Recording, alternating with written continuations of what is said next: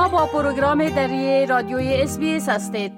حال با جاوید روستاپور خبرنگار پروگرام دری رادیوی SBS در جنوب آسیا. به تماس هستیم که اونا درباره تازه ترین تحولات و رویدادها در افغانستان معلومات میتن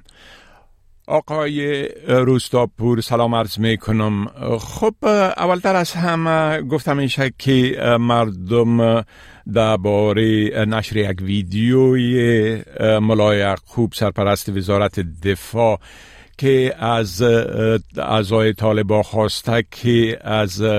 بزرگا اطاعت بکنه. عکس های ابراز شده. اگر لطفا در این باره اولتر از همه معلومات بتین که شما چی شنیدن با سلام وقت شما بخیر آقای شکیب. بله امان گونه که شما اشاره کردین. در یک پیام صوتی منصوب به محمد یعقوب مجاهد سرپرست وزارت دفاع طالبان که در شبکه اجتماعی نشر شده است او از مسئولیت ناپذیری فرماندهان و جنگجویان طالبان شکایت کرده و آنان را به خدا سوگند می‌دهد که از اوامر اطاعت کنند. در بخشی از این پیام سرپرست وزارت دفاع طالبان ضمن تاکید بر انجام دقیق از اوامر به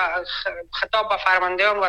صفوف طالبان می‌گوید که مسئولیت باری سنگینی است و هر کس باید به خوبی متوجه باشد. اگر مسئولیت را انجام ندهیم کارهای دیگر به کسی دیگری واگذار کنیم وضعیت بدتر می‌شد و دیگران در صفوف ما می‌تونن که برای خود جا باز کنن و ما شاید جغرافیای خود را هم از دست بتیم این پیام که منصوب به یعقوب مجاهد است با واکنش های چند پهلو در میان طیف های از جامعه در شبکه های اجتماعی روبرو شده تحلیلگران امور سیاسی به این باورند که اکنون صفوف طالبان به این باور رسیدن که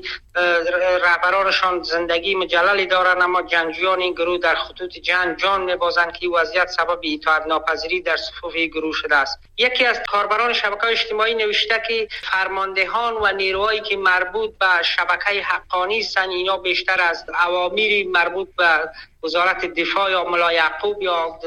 گروه شاخه وابسته به ملا برادر فرمانپذیری نمی‌کنند و این شگاف با گذشت یک روز عمیق نشد و در آینده نزدیک به باور کاربر گفته که این شگاف عمیقتر و روشنتر خواهد شد که شماری از افراد طالبان شاید به داعش بپیوندن و شمار دیگه هم به جوای مخالفه که همکنون در برخی مناطق کشور فعال هستند بر ضد طالبان با یا بپیوندند ولی آنچه مسلم است در این اواخر گزارش در مورد ایجاد شکاف و انقسام در رهبری طالبان در رسانه نشر شده است که گفته می شد طالبان در درون خود با عدم امانگی رو بروستند بله بر علاوه اختلافات نظری که بین رهبرای طالبا وجود داره در عمل هم برخوردهای مسلحانه بین گروه های مختلف صورت می‌گیرد چنانچه در تخار هم دمی اواخر از یک برخورد بین دو گروه گزارش شده بله؟ دقیقا چندین موردی است که درگیری های در اون گروهی میان طالبا سبب کشته و زخمی شدن نیروهای طالبا می‌شد که در تازه ترین مورد منابع محلی روزی گذشته در ولایت تخار گفتند که در نتیجه یک درگیری خودی میان دو فرمانده طالبان که یکیش ازبک تبار بوده و دیگهش پشتون تبار در این ولایت دو طالب کشته شده و چهار طالب دیگر هم زخمی شدند.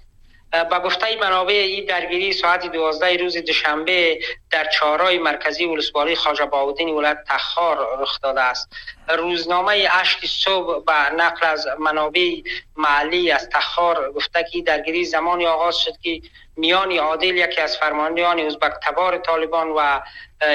یکی از فرماندهان پشتون تبار طالبان که بحث بر سر ناقلان صورت گرفته جدی شده و این سبب درگیری شده که سبب کشته و زخمی شدن تعداد شده. سرپرست وزارت اطلاعات فرهنگ طالبا هم در تخار این درگیری را تایید کرده در گفتگو با رسانه ولی گفته که یک سوی تفاهم بود ولی حل و فصل شده و هر طرف را اینا آشتی دادن.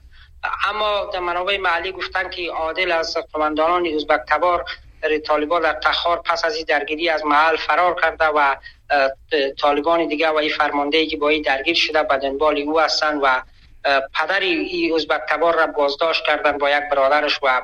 به دلیل از این گفتن تا که را بازداشت نکنند پدر و برادرش را آزاد نخواهند کرد. درگیری ها هر از گاهی در میان افراد طالبا صورت می‌گیرد. درگیری های خودی در بدخشان شاهدش بودن به رسانه گزارش کردن در هرات چندی پیش درگیر شدن در بغلان اینا ناشی از برخی مسائل از جمله مسائل عشر زکات مسائل معدن این چیزا بوده ولی برخی ها تعلیل می‌کنن که درگیری هم ناشی از اون اختلافاتی است که طالبا منسجم نیستن و هر کدامش وابسته به یک شاخه ای هستن که در درون طالبان حضور دارن و مسلط هستن بر افغانستان. بله خب گفتم این که مردم هیرات شکایت کردن که لباس قوای امنیتی طالبا و دزدا یک چیز هستند و این نگرانی بسیار زیاد را برای مردم پیدا کرده که معلوم نیست که چی کسی از قوای امنیتی است و چی کسی دزد است. بله؟ دقیقا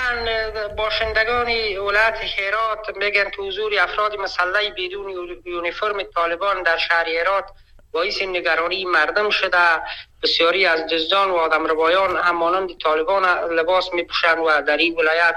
فعالیت می‌کنند. باشندگان باشندگان ایراد با انتقاد از حکومت طالبان گفتند که با گذشت نزدیک به یک سال طالبان موفق نشده تا به نیروهایش در, در مرکز و ولایات یونیفرم منظم تهیه کنند. مردم ایراد گفتند که این وضعیت سبب نگرانیشان شده و گفته آنان سارقین مسلح با استفاده از این وضعیت در برخی ساعتی بازرسی ایجاد می‌کنند و به نام طالب وسایط نقلیه و اموال مردم را به سرقت می‌برند که چندین مورد به گفته مردم اتفاق افتاده تا کنون. آگاهان امور نظامی می‌گویند که حکومت طالبا به علت مخالفت های درونی که درباره یونیفرم نیروهای خود دارند تا هنوز موفق به توزیع یونیفرم نشدن. بیشتر از ده ماه از حکومت طالبا میگذرد این گروه تا با شماری اندکی از نیروهای خود در ولایت های کابل و کندهار یونیفرم توزیع کردن. بیشتر نیروهای طالبان در وزارت دفاع و ریاست استخبارات از یونیفرم نیروهای دفاعی و امنیتی حکومت پیشین با تغییر یا لوگو یا نشانشان و پرچمشان استفاده می‌کنند. اما نیروهای مربوط به وزارت داخله حکومت طالبان که عمدتا نقش پلیس را یا در نقش پلیس کار می‌کنن و امنیت را تامین می‌کنن اینا بیشتر با لنگوتا پیرانتنبان واسکت و چپلی گشت گذار می‌کنن و وظیفه اجرا می‌کنن که این مورد نه تنها در حیرات که در دیگر ولایات هم هر از گاهی سر صدا و نگرانی هایی را و شکایت هایی را در میان مردم ایجاد کرده بود بله. اما طالبان گفتن که یونیفرمشان تایه شده و به زودی توزیع از را در سراسر افغانستان آغاز خواهند کرد بله خب بسیار تشکر آقای روستاپور از این معلوماتتان و فعلا شما را به خدا می سپارم و روز خوش برتان آرزو می کنم وقت شما هم خوش خدا حافظ ناصرتان. بپسندید شریک سازید و نظر دهید. اسپیس دری را در فیسبوک تعقیب کنید.